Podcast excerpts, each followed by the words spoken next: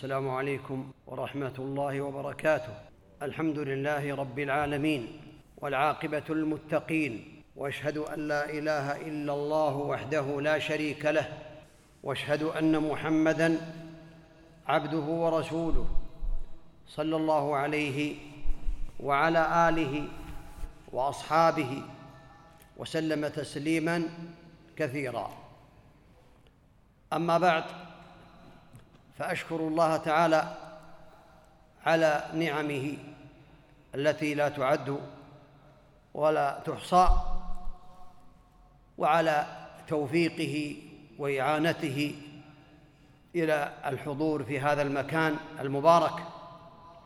ثم أشكر دولة الكويت وعلى رأسهم وزارة الأوقاف في دولة الكويت على عنايتهم بما ينفع الناس. وقد قال النبي عليه الصلاة والسلام من دل على خير فله مثل أجر فعله. هذا من فضل الله تعالى عليهم. وكذلك قال الله قال النبي عليه الصلاة والسلام لا يشكر الله من لا يشكر الناس فالذي لا يشكر الناس لا يشكر الله. فمن شكر الله تعالى أن يشكر المحسن على إحسانه فهم يشكرون على عنايتهم بتعليم الناس الخير وتوجيههم إلى الخير. فأسأل الله تعالى أن يوفق دولة الكويت لما يحبه ويرضاه وأن يوفق وزارة الأوقاف في هذه الدولة المباركه إن شاء الله على عنايتهم بهذه الأعمال الصالحة. نسأل الله أن يتقبل منا ومنهم ومن جميع المسلمين. أما موضوع هذه الكلمة في هذه الليلة فكما سمعتم من الدكتور إمام الجامع مفاتيح الرزق. الرزق له مفاتيح. لا يحصل على هذا الرزق إلا بهذه المفاتيح. مغلق عليه. مغلق عليه إلا بهذه المفاتيح. فإن مفاتيح الأرزاق هي بيد الله تعالى. فمن أطاع الله تعالى ووحده ولم يشرك به سبحانه وتعالى أعطاه الله تعالى من الأرزاق الحلال والأرزاق النافعة. ومن لم يطيعه يرزقه كما يرزق البهائم. هذا رزق كذلك. يرزق الكفار يرزق الجن والإنس وجميع المخلوقات والحيوانات والدواب وغير ذلك. لكن هذا رزق لا يقال له رزق نافع في الدنيا والآخرة وإنما أرزاق المؤمنين هي الأرزاق النافعة في الدنيا والآخرة للمؤمن. ورزق الله تعالى رزقان رزق عام لجميع المخلوقات التي خلقها سبحانه وتعالى ومن رزقه أن خلقهم وأجرى الدماء في عروقهم. هذا من رزق الله تعالى. ودبرهم سبحانه وتعالى. هذا الرزق يشمل الكفار والملائكة والجن والمؤمنين والكافرين رزق عام. وهذا رزق للجميع. وأما الرزق الخاص وهو الرزق النافع في الدنيا والآخرة وهو الذي على يد الرسول عليه الصلاة والسلام. فهو نوعان. النوع الأول رزق القلوب بالإيمان والعلم النافع والخشية لله تعالى في السر والعلن والمراقبة له سبحانه وتعالى. هذا رزق وهو أعظم الأرزاق. هذا الذي رزق الله تعالى به الأنبياء وأتباع الأنبياء من المراقبة. ومن المحبة لله تعالى ومحبة النبي عليه الصلاة والسلام والهداية والتوفيق والتثبيت على دينه سبحانه وتعالى والإعانة على ذكره وشكره سبحانه وتعالى هذا والله أعظم الأرزاق. هذا رزق خاص بأتباع الأنبياء عليهم الصلاة والسلام. والنوع الثاني رزق البدن بالرزق الحلال. هذا ينفع بالدنيا والآخرة. رزق البدن بالرزق الحلال الذي لا تبعة فيه. فإن الرزق الذي خص به أو خص به المؤمنين سبحانه وتعالى والذي يسألونه الله تعالى رزق شامل للأمرين. فإذا قلت اللهم إني أسألك أن ترزقني. فينبغي ينبغي لك بل يتأكد بحقك. أن تنوي بهذا الرزق رزق الإيمان ورزق العلم النافع ورزق الثبات على دينه ورزق المحبة له ولأنبيائه عليه الصلاة والسلام عليهم الصلاة والسلام ولأوليائه من المؤمنين. ألا إن أولياء الله لا خوف عليهم ولا هم يحزنون. الذين آمنوا وكانوا يتقون. هؤلاء الأولياء وليس الأولياء. غيرهم وإنما الأولياء ألا إن أولياء الله لا خوف عليهم ولا هم يحزنون؟ الذين آمنوا وكانوا يتقون. لهم البشرى في الحياة الدنيا وفي الآخرة. فإذا سأل العبد الرزق اللهم ارزقني فينوي بهذا الرزق الرزقين. رزق الإيمان والعلم النافع والعمل الصالح والمحبة لله تعالى ولنبيه عليه الصلاة والسلام ولأوليائه المؤمنين يرزق ينوي بهذا التقرب لله تعالى. هذا هو الرزق الأول الذي تصلح به الأحوال. فالرزق بهذا تصلح به أحوال العبد في الدنيا والآخرة. والرزق الثاني هو الذي سمعتم الرزق الحلال. ينوي بهذا الرزق الرزق الحلال الذي لا إثم فيه ولا حرام.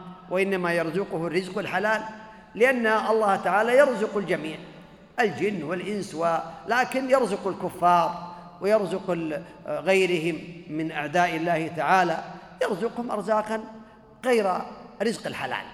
يقال له رزق لأن هذا من عند الله كل شيء من عند الله.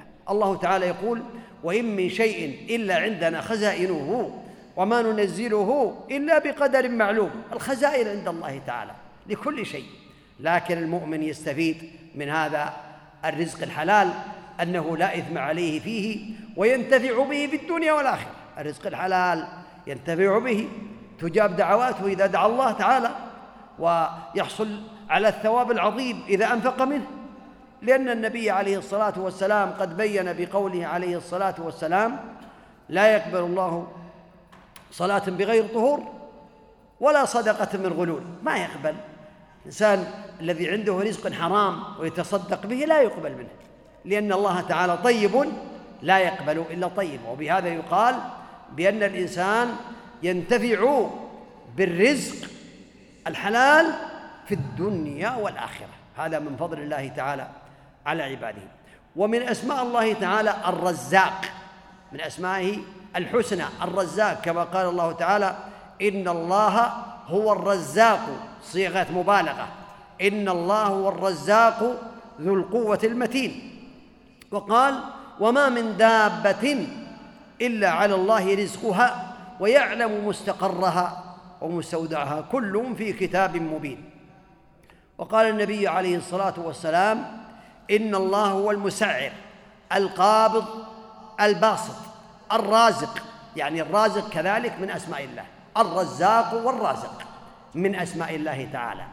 وهذا فإذا سأل الإنسان ربه عز وجل الرزق فينبغي له أن ينوي الرزقين حتى يحصل على خير الدنيا والآخرة. والرزق الحلال الذي ينفع العبد المسلم في الدنيا والآخرة له أسباب ومفاتيح. يصل إلى هذا الرزق بها. فأول هذه الأرزاق التقوى. والتقوى هي أن تجعل بينك وبين عقاب الله وقاية. بينك وبين عقاب الله وبينك وبين سخط الله وبينك وبين انتقامه وغضبه. وقاية تقيك من غضبه وتقيك من انتقامه وتقيك من عذابه في الدنيا والآخرة. تجعل بينك وبين عذاب الله وقاية. تقيك. وهو في الاصطلاح أحسن من عرفه طلق بن حبيب. قال هو أن تجعل هو أي التقوى هو أن تتقرب بهذه الأعمال التي ذكرها رحمه الله تعالى. هو أن تجعل بينك وبين الله وقاية وقال وهي أن تعمل بطاعة الله. على نور من الله تعمل بطاعة الله. طاعة عامة في كل شيء. لله تعالى ولنبيه عليه الصلاة والسلام. على نور من الله. لا بد أن تكون على نور. والنور هو العلم. على نور من الله. لا يكفي هذا. ترجو ثواب الله. إذا هذه ثلاثة أركان. لأن تعمل بطاعة الله على نور من الله أي على علم ترجو ثواب الله. فإذا رجوت ثواب الله كان ذلك إخلاصا. وتترك معصية الله التي حرمها عليك. على نور من الله على علم. ما تحرم شيئا أحله الله تعالى. على نور من الله. ولا يكفي هذا. تخشى عقاب الله. حتى تحصل إذن الأركان ستة لتعريف التقوى. أن تعمل بطاعة الله على نور من الله ترجو ثواب الله وتترك معصية الله على نور من الله تخشى عقاب الله. هذه التقوى الكاملة. إذا عملت بها فزت ونجحت في الدنيا والآخرة. ولا شك أن المتقي لله تعالى يفوز في الدنيا والآخرة. يقول الله تعالى يا أيها الذين آمنوا اتقوا الله حق تقاته حق تقاته. هي كما عرف ابن مسعود قال هي أن يطاع فلا يعصى ويذكر يذكر فلا ينسى ويشكر فلا يكفر. هذه التقوى حق التقوى حق تقاته هذا الذي عرفها ابن مسعود رضي الله عنه وأرضاه. فلا شك أن التقوى هي من أعظم أسباب الرزق التي بينها الله تعالى في كتابه وبينها النبي عليه الصلاة والسلام. ولهذا قال الله تبارك وتعالى يا أيها الذين آمنوا اتقوا الله حق تقاته ولا تموتن إلا وأنتم مسلمون قال ومن يتق الله يجعل له مخرجا ويرزقه من حيث لا يحتسب من حيث لا يخطر على هذا الشاهد. ويرزقه من حيث لا يحتسب. إذا اتقيت الله كما سمعت في تعريف التقوى فالرزق يأتيك من حيث لا يخطر لك على بال. عليك بتقوى الله إن كنت غافلا. يأتيك بالأرزاق من حيث لا تدري. فلو كانت الأرزاق تأتي بقوة لم يأخذ العصفور شيئا مع النسر قد يرزق الإنسان بغير التقوى ولكنه لا يستفيد وقد يهلك هذا الرزق وقد يضره في الدنيا والآخرة. ولهذا تجد بعض الناس يحوز البليارات وأقل منهم من يحوز الملايين لكنه لا يأكل شيئا محروما حرم من الطيبات لأنه لم يبارك له في هذا الرزق. نسأل الله العفو والعافية. قد يكون اختب قد يكون رجلا صالحا لكن قد يكون اختبارا وابتلاء. لكن هذا فالمسلم عليه أن يعنى بطاعة الله تعالى وبتقواه حتى يحصل على هذا الذي بينه النبي صلوات الله وسلامه عليه. وكذلك يجعل العبد بالتقوى الغنى المعنوي. ومحبة الله تعالى. إن الله يحب العبد التقي الغني الخفي. رواه مسلم وغيره. هذه محبة الله. إن الله يحب العبد التقي الغني. يحب الغني وأعظم الغنى غنى النفس كما قال النبي عليه الصلاة والسلام. غنى النفس ويحب الغني الذي يقوم بالواجبات التي أوجب الله تعالى على عباده. إن الله يحب العبد التقي يتقي الله تعالى كما سمعتم. الغني غني بالله تعالى. غني النفس كما قال النبي عليه الصلاة والسلام ليس الغنى غنى كثرة العرض إنما الغنى غنى النفس. عنده قناعة عنده محبة لله تعالى ولنبيه عليه الصلاة والسلام. لا يحب المحرمات التي حرم الله تعالى عليه. ولهذا قال النبي عليه الصلاة قال النبي عليه الصلاة والسلام لرجل سأله وهو من أحاديث الأربعين النووية.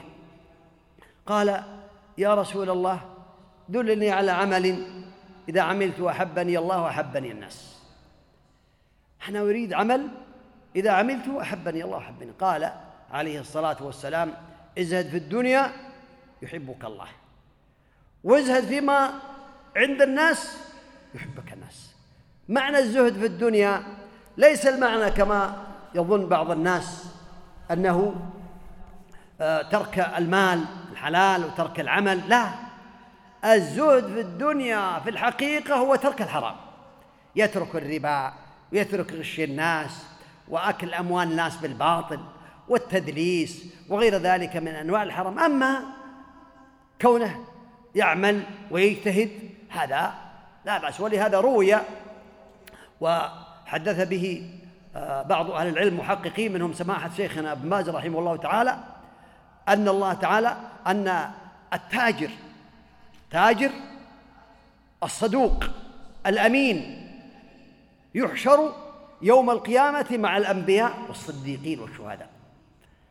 التاجر الصدوق الأمين. تاجر صدوق أمين. هذا من فضل الله تعالى عليه.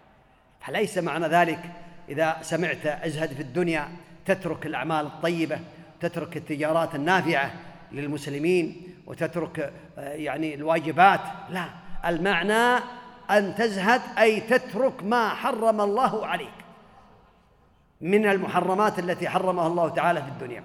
وازهد فيما في أيدي الناس يحبك الناس.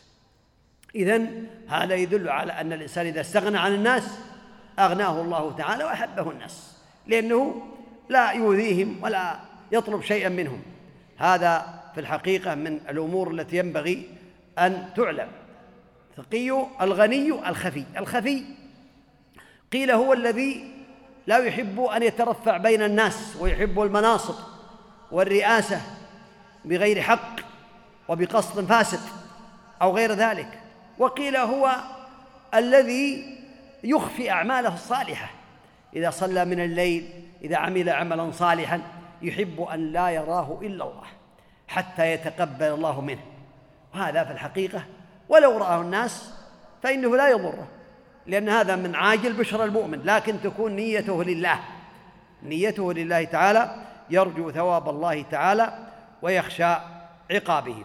كذلك من هذه الأمور أن من عمل بالتقوى فتح الله تعالى عليه البركات من السماء والأرض. ولو أن أهل القرى آمنوا واتقوا لفتحنا عليهم بركات من السماء والأرض. هذا من أسباب الرزق التقوى كما قال الله تعالى في هذه الآية. وقال في أهل الكتاب الذين بين الله تعالى فيهم قال فيهم سبحانه وتعالى يا ولو أنهم أقاموا التوراة والإنجيل وما أنزل إليهم من ربهم لأكلوا من فوقهم ومن تحت أرجلهم. هذا يدل على أن التقوى هي من أسباب الرزق ومن أسباب التوفيق ومن أسباب السعادة في الدنيا والآخرة. المفتاح الثاني من مفاتيح الرزق التوكل على الله عز وجل. والتوكل على الله تعالى يقوم على ركنين على ركنين. الركن الأول اعتماد القلب على الله تعالى. يعتمد قلبه على الله. يعلم بأن الله هو الرازق المعطي الرزاق. فقلبه معلق بالله سبحانه وتعالى. يرجو ثوابه ويخشى عقابه ويطمع فيما عنده من الثواب. ولهذا إذا كان قلبه معلقا بالله سأل الله تعالى الرزق الحلال سأل الله الأرزاق. الرزق المعنوي والرزق الحسي. هذا قلبه معلق بالله السبب الثاني أو الركن الثاني ولا بد منه العمل بالأسباب. بعض الناس يقول أتوكل على الله وهو يرزقنا ولا يعمل بالأسباب. هذا غير غير عاقل مجنون. لو قال إنسان أنا أريد الأولاد الصالحين ينفعون الإسلام والمسلمين بدون زواج. الله تعالى يقول إنما أمره إذا أراد أن يقول له شيء إذا أراد شيئا أن يقول له كن فيكون. أنا أريد اولادا صالحين والله تعالى قادر على أن يعطيني بدون زواج. هذا خلاف يعني حكمة الله تعالى. فلا بد من العمل بالأسباب يعمل بالأسباب. إذا أراد الجنة والنجاة من النار يعمل بالأسباب. ما يقول أنا لا أعمل ولا أصلي ولا هذه أسباب. أسباب نافعة. ادخلوا الجنة بما كنتم تعملون. هذه من أسباب. فالله تعالى هو يدخل الجنة برحمة الله لكن حسب الأعمال الصالحة هي من أسباب دخول الجنة. فالخلاصة أن التوكل على الله يقوم على ركنين. الركن الأول اعتماد القلب على الله والركن الثاني العمل بالأسباب. جاء رجل إلى النبي عليه الصلاة والسلام ومعه ناقة وقال يا رسول الله أتوكل أو أعقل؟ أعقلها أو أتوكل؟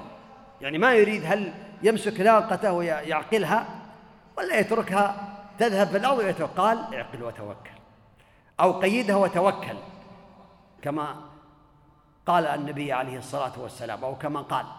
فلا بد من العمل بالأسباب حتى يحصل الإنسان على الخير ويعمل بالأسباب التي أمر الله تعالى بها فيحصل على هذا الخير الذي بينه النبي عليه الصلاة والسلام. المفتاح الثالث للأرزاق. صلة الرحم. هذه صلة الرحم من أعظم مفاتيح الرزق وهي كناية عن الإحسان إلى الأقربين من ذوي النسب والأصهار والتعطف عليهم والرفق بهم والرعاية لأحوالهم. فكأنه بالإحسان إليهم قد وصل ما بينه وبينهم من علاقة لقرابتهم. وهي الإحسان إلى الأقارب على حسب الواصل والموصول. فتارة تكون بالمال وتارة تكون بالشفاعة وتارة تكون بالاتصال وسؤال عن الأحوال وتارة بتكون بطلاقة الوجه وتارة تكون بدفع الأذى وتارة تكون برفع برفع الظلم عنه. وهكذا على حسب الحال. قد يكون غنيا لا يحتاج إلى أنك تعطيه. قد يكون آه، يعني له حاجة تعطيه على حسب الأحوال.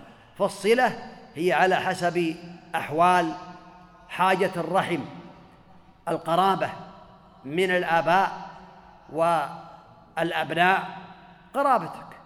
وأعظم القرابة كما قال النبي عليه الصلاة والسلام لرجل يا رسول الله من أحق الناس بحسن الصحبة قال أمك. قال ثم من؟ قال أمك. قال ثم من؟ قال أمك. ثلاث مرات. قال ثم من؟ قال ثم أبوك. وأدناك أدناك. في بعض الروايات أختك وأخاك. وأدناك أدناك. والخلاصة أن جميع الأقارب هم أرحام. جميع سواء كانوا من الأصول الآباء والأمهات والأجداد والجدات أو الفروع وإن علوا. أو الفروع الأبناء والبنات وأبنائهم أو الحواشي الإخوة والأخوات والأعمام والعمات والأخوال والخالات. وإن علوا وهكذا وإن نزلوا كذلك إذا كانوا عن أبناء العم أبناء أبناء العم وهكذا. القرابة هذه رحم. من وصلها وصله الله في الدنيا والآخرة ومن قطعها قطعه الله. ولهذا ثبت عن النبي عليه الصلاة والسلام أنه قال في صلة الرحم أنها تزيد في الأعمار تزيد في الأعمار. وبين عليه الصلاة والسلام أنها تزيد في الأعمار ويبسط بها الرزق ويصل الله تعالى من وصلها.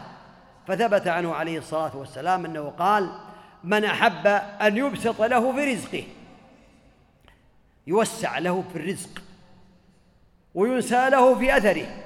ينسى يمد في عمره يكون عمره طويلا. فليصل رحمه. هذا في الحديث الصحيح. هذا والله نعمة غنيمة. إذا وصلت رحمك عمرك يطول. قيل في طول العمر ذكر ابن القيم رحمه الله تعالى على معنيين. إما أن يبارك لك في أوقاتك. فتكون الأوقات القليلة مباركة. أعمالك مباركة. حياتك مباركة. يبارك الله تعالى لك في أعمالك وفي أرزاقك وفي حياتك. فيكون عمرك يعني من عمل عملا كثيرا في سنين عديدة. وإما أن يكون على ظاهره وهو الظاهر. على ظاهري وأن الله يمد في عمرك. مد في عمرك لأنك وصلت الرحم. لكن في علم الله لا يتغير. في علم الله لا يتغير. فالله تعالى خلقك ويعرف كم عمرك هو الذي حدد. لكن عند الملائكة قد لا يعلمون. هذا عمره أربعون سنة إن لم يصل رحمه. فإن وصل رحمه ثمانون. عند الملائكة ما يعرفون. قد يكون مكتوب عندهم هذا القول الثاني مكتوب عندهم إنه إن وصل رحمه هذا عمره. وإن قطع رحمه فهذا عمره. نقص العمر بقطيعة الرحم. لكن عند الله الله تعالى يعلم. سبحانه وتعالى. لا تخفى عليه خافية. فإذا جاء أجلهم لا يستأخرون ساعة ولا يستقدمون. فهذا من فضل الله. وعلم الله السابق. علم بأنه سيصل رحمه فأعطاه هذا العمر.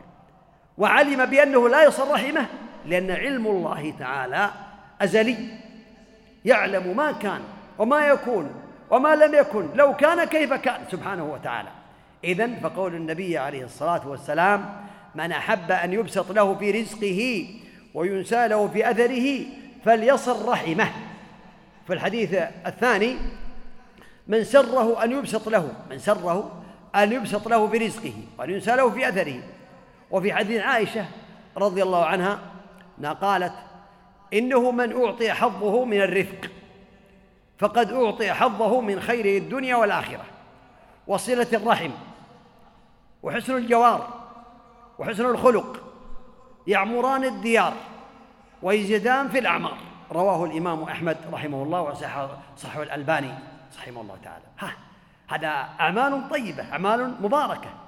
صلة الأرحام والإحسان إلى الجيران وكذلك حسن الخلق. هذا يمد الله تعالى فيها بها في الأرزاق وفي الأعمار وهذا من فضل الله تعالى على عباده. ثبت عن النبي عليه الصلاة والسلام أنه قال تعلموا من أنسابكم ما تصلون به أرحامكم فإن صلة الرحم محبة في الأهل مثرات في المال منساة في الأثر. رواه الترمذي.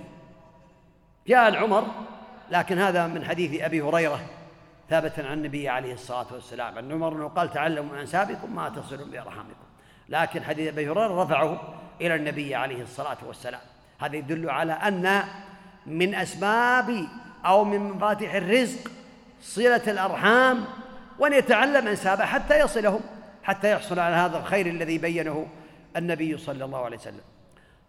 المفتاح الرابع من مفاتيح الرزق التفرغ للعبادة بالقلب والخشوع وحضور القلب في العبادة باستحضار عظمة الله تعالى. كأنه يراه. قد يسمع بعض الناس هذا ويقول التفرغ للعبادة أجلس في المسجد ولا أعمل. تفرغ لعبادة الله تعالى. ليس هذا المقصود. والله تعالى أعلم. لأن الله أمر بالعمل وأمر ب آه، القيام بالواجبات أمر بالنفقات فالمقصود من هذا والله تعالى أعلم كما فسره بعض الشراح الحديث أن يفرغ قلبه قلبه في صلاته إذا أقبل إلى صلاته يعلم بأنه بين يدي الله تعالى فرغ قلبه لله ما يكبر تكبيرة الإحرام ثم يذهب يعمر ويقوم بالتجارة ويقوم بالتخطيطات والأعمال في الصلاة ما فرغ قلبه هذا ولكن من رزقه الله تعالى تفريغ القلب في صلاته بأن أقبل على صلاته وقلبه مفرغ لهذه العبادة ثم كذلك يدخل في ذلك والله تعالى أعلم أوقات الواجبات يفرغ نفسه لها وقت الفريضة لا بد أن يفرغ نفسه لا يقوم بأعمال أخرى وقت الفرائض التي فرض الله تعالى عليه وقت الصيام يقوم بالواجب وقت الحج الفريضة يختار له وقت حتى يفرغ نفسه فيه.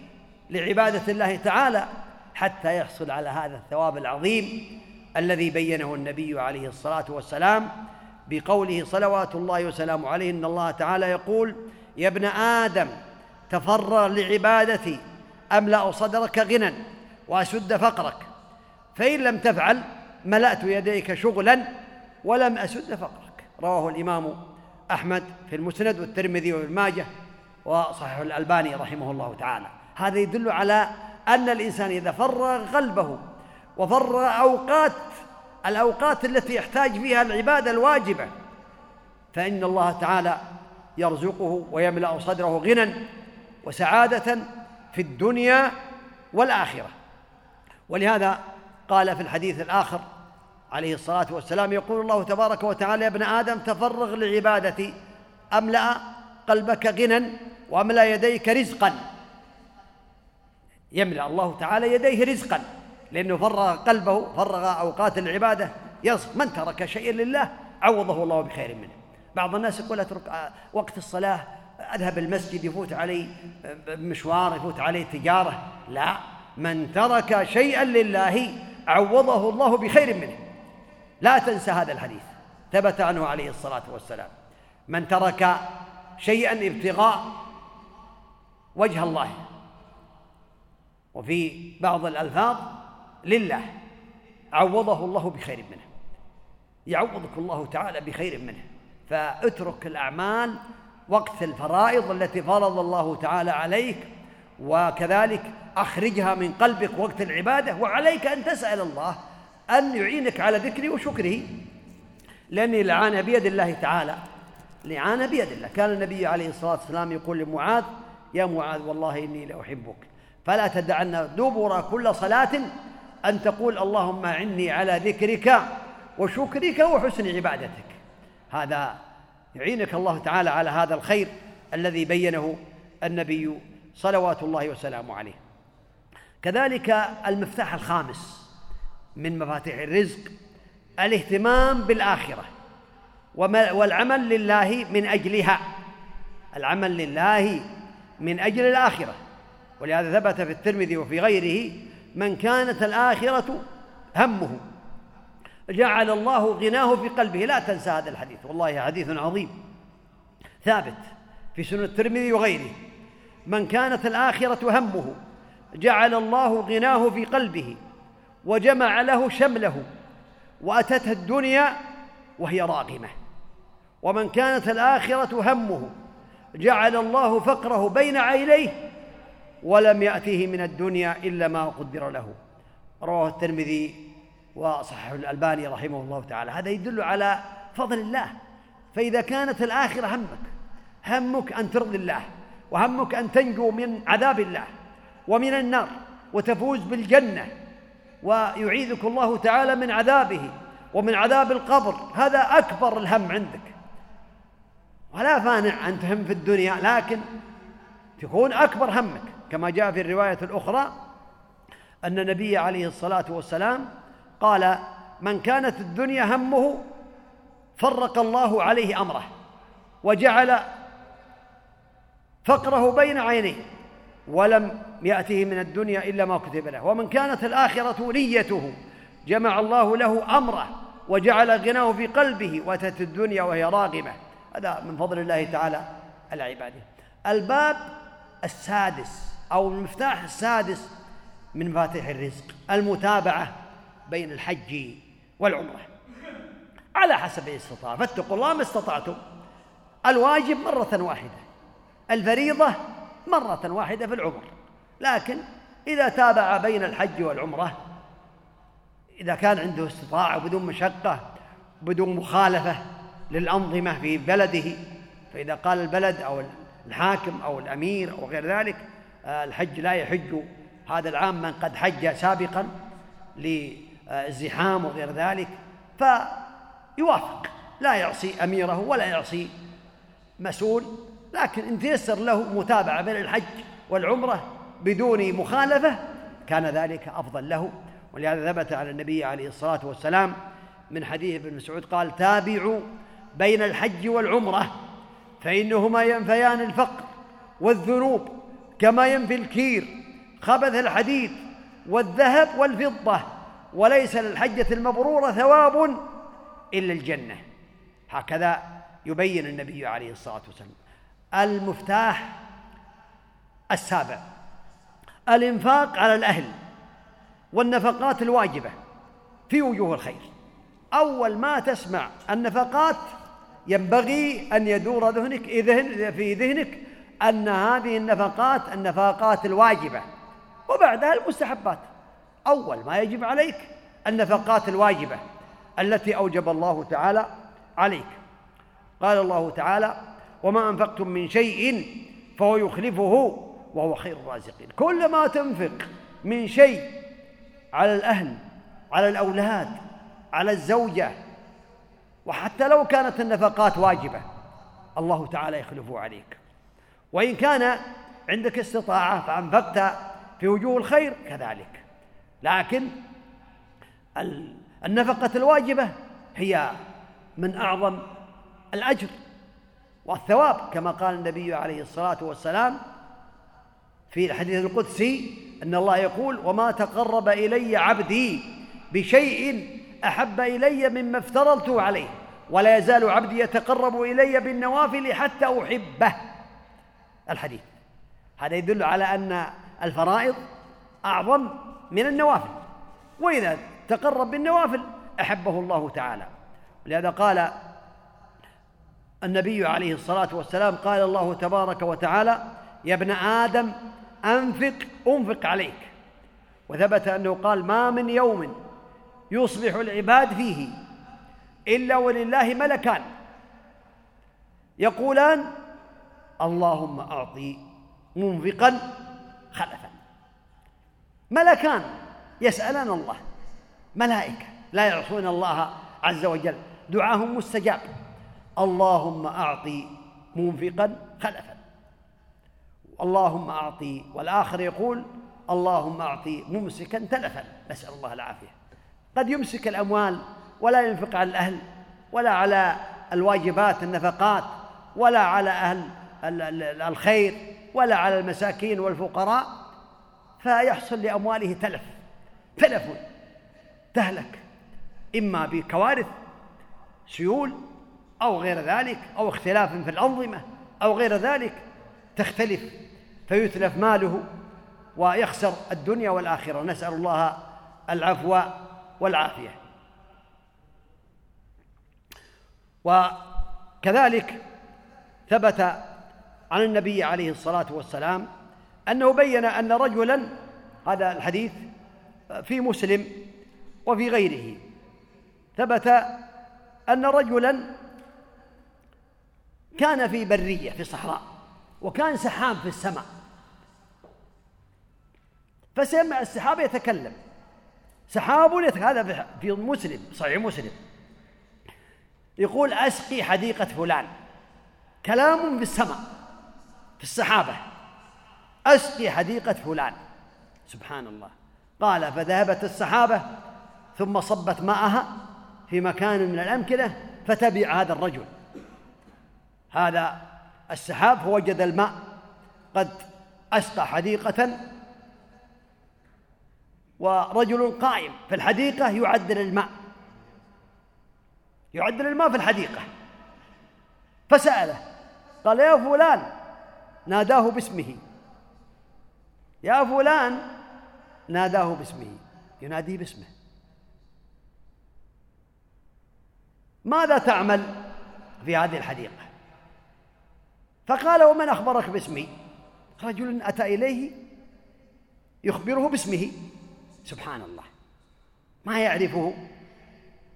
قال أخبرتني السحابة التي هذا ماؤها. تقول أسقي مزرعة فلان. أخبرني ماذا تعمل؟ قال أما إذا أخبرتني بذلك فإني آخذ الثلث من هذا من هذه الحديقة فأجعله لعيالي. والثلث الآخر أرده فيها. ها؟ والثلث الآخر أتصدق به. سبحان الله. يوزع هذه المزرعة ثلاثة أشهر ثلث لعياله وثلث يرده بذرا فيها. والثلث الآخر يتصدق به على الفقراء والمساكين. سبحان الله. إذا هذا يدل على أنه أنفق لله تعالى وكما قال الملك اللهم أعط منفقا تلفا. وهذا من فضل الله تعالى. الباب الثامن الإنفاق على من يطلب العلم. قد يكون هناك إنسان طالب علم تعلم العلم وله إخوة وله أقرباء أو له والد فينفق عليه. فهذا من أسباب الرزق. ولهذا ثبت عن النبي عليه الصلاة والسلام أنه أتى إليه رجل يشتكي أخاه. يقول يا رسول الله يحترف يقوم بالأعمال ويشتغل. ويكسب الأموال.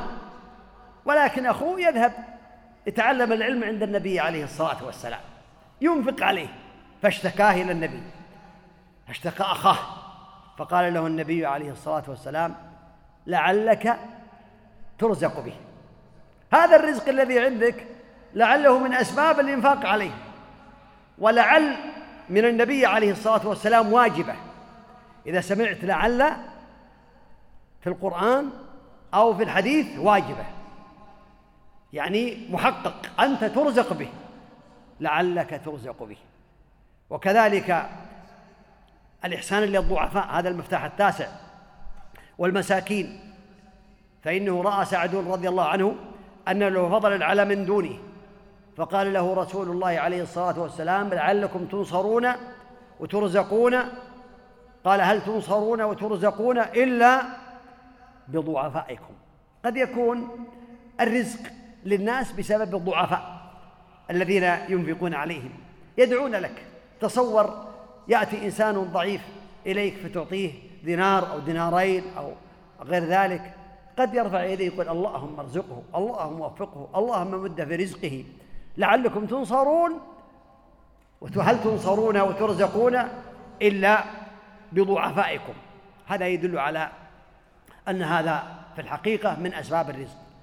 المفتاح العاشر الهجرة من بلاد الكفر إلى بلاد أهل الإسلام. ونحن في بلاد الإسلام والحمد لله لكن من كان في بلاد الكفر وضيق عليه ولا يستطيع أن يقوم بعبادة الله تعالى لا من صلاة ولا من غيرها يهاجر. يهاجر إلى بلاد المسلمين التي يستطيع أن يصلي فيها ويذكر الله تعالى فيها ويقيم الفرائض فيها. ولهذا قال الله تعالى ومن يهاجر في سبيل الله يجد في الأرض مراغما كثيرا وسعة. قد فسر ابن عباس رضي الله عنهما وسعة أي سعة في الرزق وذكر ابن كثير المراغم في الظاهر والله أعلم التمنع الذي يتحصن به ويراغم به الأعداء. هذا يدل على فضل الله تعالى. آه المفتاح الحادي عشر التبكير في طلب الرزق من أول النهار. هذا فيه هذا مفتاح للرزق. لأن النبي عليه الصلاة والسلام قال اللهم بارك لأمتي في بكورها. فقال الراوي وكان إذا بعث سرية النبي عليه الصلاة والسلام أو جيشا بعثهم أول النهار عليه الصلاة والسلام. وكان صخر رجلا تاجرا. راوي الحديث وكان إذا بعث تجاره بعثهم أول النهار فأثرى وكثر ماله. أول النهار هذا يحصل على البركة. لأن النبي عليه الصلاة والسلام قال اللهم بارك لأمتي في بكور أما الإنسان الذي ينام إلى آخر النهار وغير ذلك إذا كان هناك أسباب لا بأس. وليس هذا يعني المفتاح الوحيد. قد يكون عنده مفاتيح أخرى. عنده مفاتيح أخرى من صلة الأرحام والإنفاق وغير ذلك. لا يضر وليس محر لكن هذا من المفاتيح التي يحصل الإنسان على الخير بها. كذلك المفتاح الثاني عشر. الناكح يريد العفاف. إذ يريد أن يتزوج لكن ما عنده مال والمكاتب. العبد المملوك الذي اعتقه وسيده وقال اذهب وابحث عن الرزق وأعطني كذا وكذا وأنت حرا. كذلك المجاهد في سبيل الله تعالى.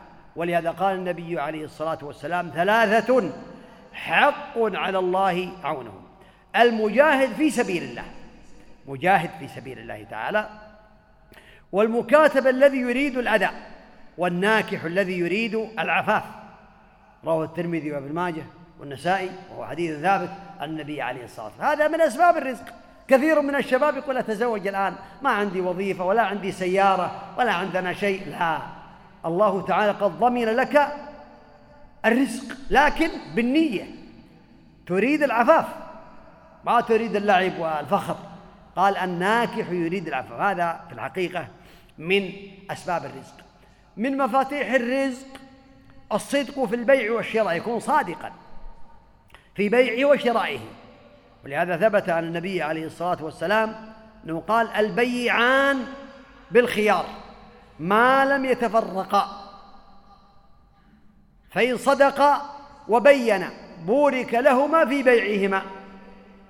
وإن كتم وكذب محقت بركة بيعهما. سبحان الله. هذا البيعان بالخيار تاجر. إذا كان صادقا قال البيعان بالخيار ما لم يتفرقا. فإن صدق وبين. بعض الناس يقول هذه السيارة من أحسن السيارات. والحمد لله ما أخبر فيها عيبا وهو كاذب فيها خراب فيها عيب يخفيه أو هذه السلعة فيها عيب ما يخبر به لا يقول فيها كذا وكذا يخبر بها يخبر بالعيب حتى يبارك الله تعالى له فيما أعطاه. فهذا من مفاتيح الرزق. كذلك من مفاتيح الرزق وهو المفتاح الرابع عشر من يستغني عن الناس. يغنيه الله. قال النبي عليه الصلاة والسلام اليد العليا خير من اليد السفلى وابدأ بمن تعول وخير الصدقة عن ظهر غنى. خير الصدقة ما يكون الزائد على عن حاجات الإنسان وعن حاجات أهله وأولاده. هذا الصدقة هذا من خير الصدقة. قال وخير الصدقة ما كان عن ظهر غنى ومن يستعفف يعفه الله. ومن يستغني يغنيه الله. هذا رواه البخاري ومسلم. معنى ذلك أنه إذا استعفى عن الناس وعن السؤال يريد الغنى من الله ويعمل بالأسباب يكتسب يسأل الله التوفيق ويعمل بالأسباب هذا من أسباب الرزق التي بينها النبي عليه الصلاة والسلام. المفتاح الخامس عشر وهو من أهم المفاتيح مع العمل بالأسباب. الدعاء. والذكر. فقد ثبت عن النبي عليه الصلاة والسلام أنه جاء إليه أعرابي. اسمع هذا الحديث. حديث عظيم من الأذكار ومن أسباب الرزق ومن أسباب السعادة في الدنيا والآخرة. جاء إليه أعرابي فقال يا رسول الله علمني كلاما أقوله. علمني كلاما أقوله. علمه عشر كلمات. عشر كلمات. قال قل لا إله إلا الله وحده لا شريك له. الله أكبر كبيرا والحمد لله كثيرا. سبحان الله رب العالمين. لا حول ولا قوة إلا بالله العزيز الحكيم. قال يا ربي هذا قال يا رسول الله هذا لله فما لي؟ قل هذا لله تعظيم لله وذكر الله فما لي؟ إيش لي؟ قال قل اللهم اغفر لي.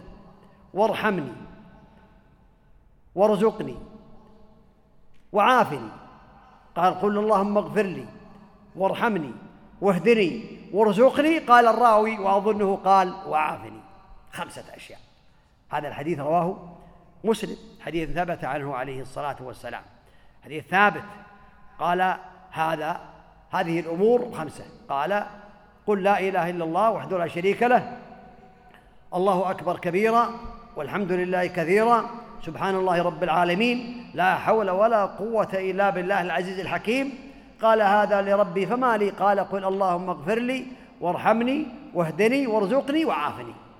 هذا والله من أعظم الأرزاق ومن أعظم السعادة في الدنيا والآخرة.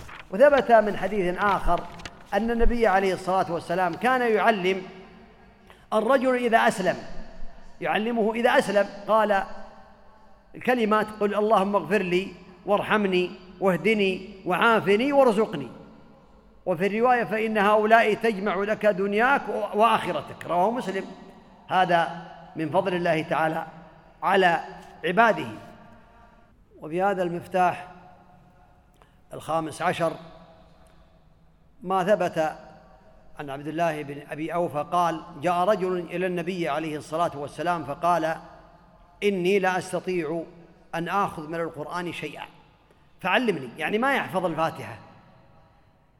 فإذا أسلم الإنسان وهو لا يحفظ الفاتحة يعلم هذا الدعاء. فعلمني ما يجزئني منه.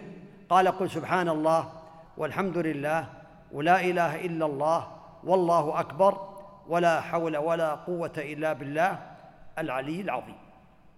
هذه خمس كلمات وهي في الحقيقة آه، هي الباقيات الصالحات. علمه أن يقرأها بدلا من الفاتحة. ويجب عليه أن يتعلمها. يجب عليه أن يتعلم الفاتحة. فلو أسلم رجل وأقيمت الصلاة أو قرب إقامة الصلاة وهو لا يحفظ الفاتحة يعلم. وسبحان الله والحمد لله ولا إله إلا الله والله أكبر ولا حول ولا قوة إلا بالله العلي العظيم. تجزيك عن الفاتحة. لكن بعد الصلاة يتعلمها يتعلم الفاتحة. فقال هذا الرجل قد طمع في الخير. هذا الرجل يطمع في رحمة الله. قال يا رسول الله هذا لله فما لي. هذا رابي آخر. هذا لله فما لي. كل هذا ثناء على الله تعالى. وش لي؟ أنا يريد مع شيء ثاني مع هذا شيء. فقال له النبي عليه الصلاة والسلام قل اللهم ارحمني وارزقني وعافني واهدني. فلما قام قال هكذا بيده يعني كأنه قبض يده كأنه يعد. فقال رسول الله صلى الله عليه وسلم أما هذا فقد ملأ يديه من الخير قد ملأ يديه من الخير. رواه أبو داود وحسن الألباني رحمه الله تعالى. هذا من فضل الله تعالى على عباده. وثبت من حديث أنس أن رجلا جاء إلى أعرابي جاء إلى النبي عليه الصلاة والسلام فقال يا رسول الله علمني خيرا علمني خيرا. فأخذ النبي عليه الصلاة والسلام بيده فقال قل سبحان الله والحمد لله ولا إله إلا الله والله أكبر. هي الأربع الكلمات التي مضت وحذف ولا حول ولا قوة إلا بالله. قال فعقد الأعرابي على يديه ومضى. عقد على يديه اربعه ومضى. فتفكر ثم رجع. فكر بعدما عقد عليه أربع ثم رجع إلى النبي عليه الصلاة والسلام. فقال يا رسول الله سبحان الله والحمد لله ولا إله إلا الله والله أكبر هذا لله فما لي؟ الأعراب ولهذا كان الصحابة بعضهم يقول كنا نفرح بالرجل العاقل بالرجل العاقل يأتي من البادية يسأل النبي عليه الصلاة والسلام حتى يستفيدوا ما قال بالرجل؟ قال بالرجل العاقل لأن الرجل العاقل يسأل يسأل عن ما ينفع. فجاء إلى النبي عليه الصلاة والسلام فقال يا رسول الله هذا لله فما لي؟ فقال له النبي عليه الصلاة والسلام يا أعرابي إذا قلت سبحان الله قال الله صدقت. وإذا قلت الحمد لله قال الله صدقت. وإذا قلت لا إله إلا الله قال الله صدقت.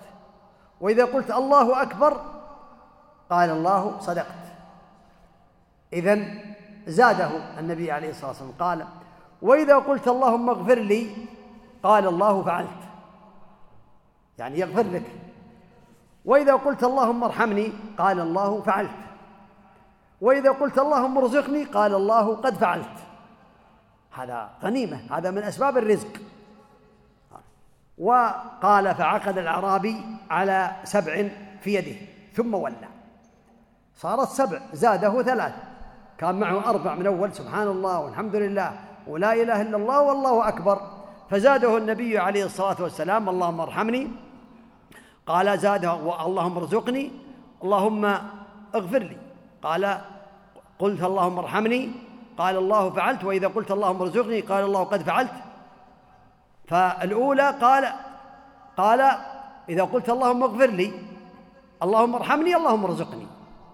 فإذا قلت سبحان الله والحمد لله ولا إله إلا الله والله أكبر أضف عليها كذلك اللهم اغفر لي وارحمني وارزقني. صارت سبع.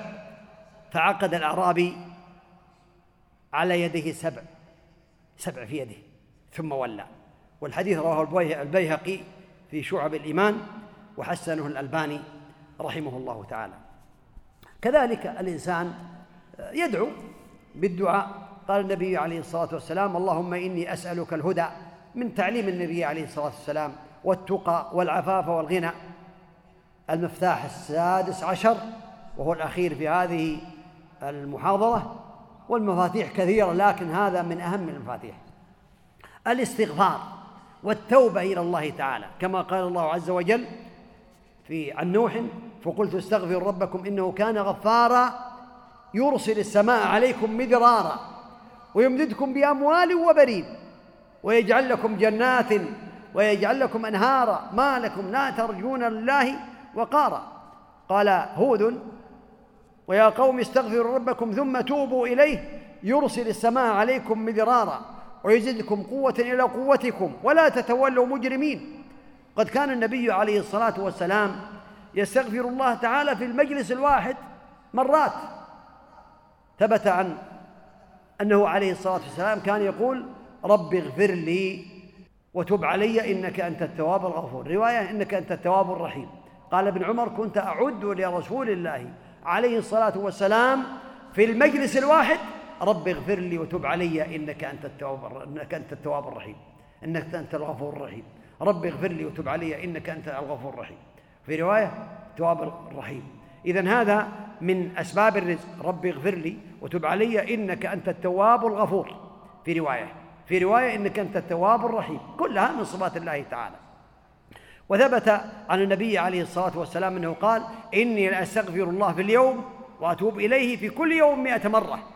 ثبت عنه عليه الصلاة والسلام. قال سيد الاستغفار أن يقول العبد اللهم أنت ربي لا إله إلا أنت خلقتني وأنا عبدك وأنا على عهدك ووعدك ما استطعت أعوذ بك من شر ما صنعت أبوء لك بنعمتك علي وأبوء بذنبي فاغفر لي فإنه لا يغفر الذنوب إلا أنت. هذا في البخاري قال النبي بين النبي عليه الصلاة والسلام أن من قالها إذا أمسى فمات قبل أن يصبح كان من أهل الجنة. ومن قالها إذا أصبح فمات قبل أن يمسي كان من أهل الجنة. هذه غنيمة كبيرة عظيمة.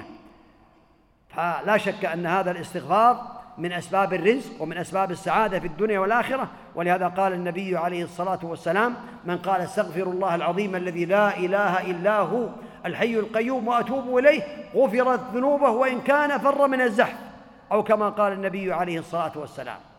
كذلك جاء أبو بكر النبي عليه الصلاة والسلام وقال يا رسول الله علمني دعاء أدعو به في صلاتي.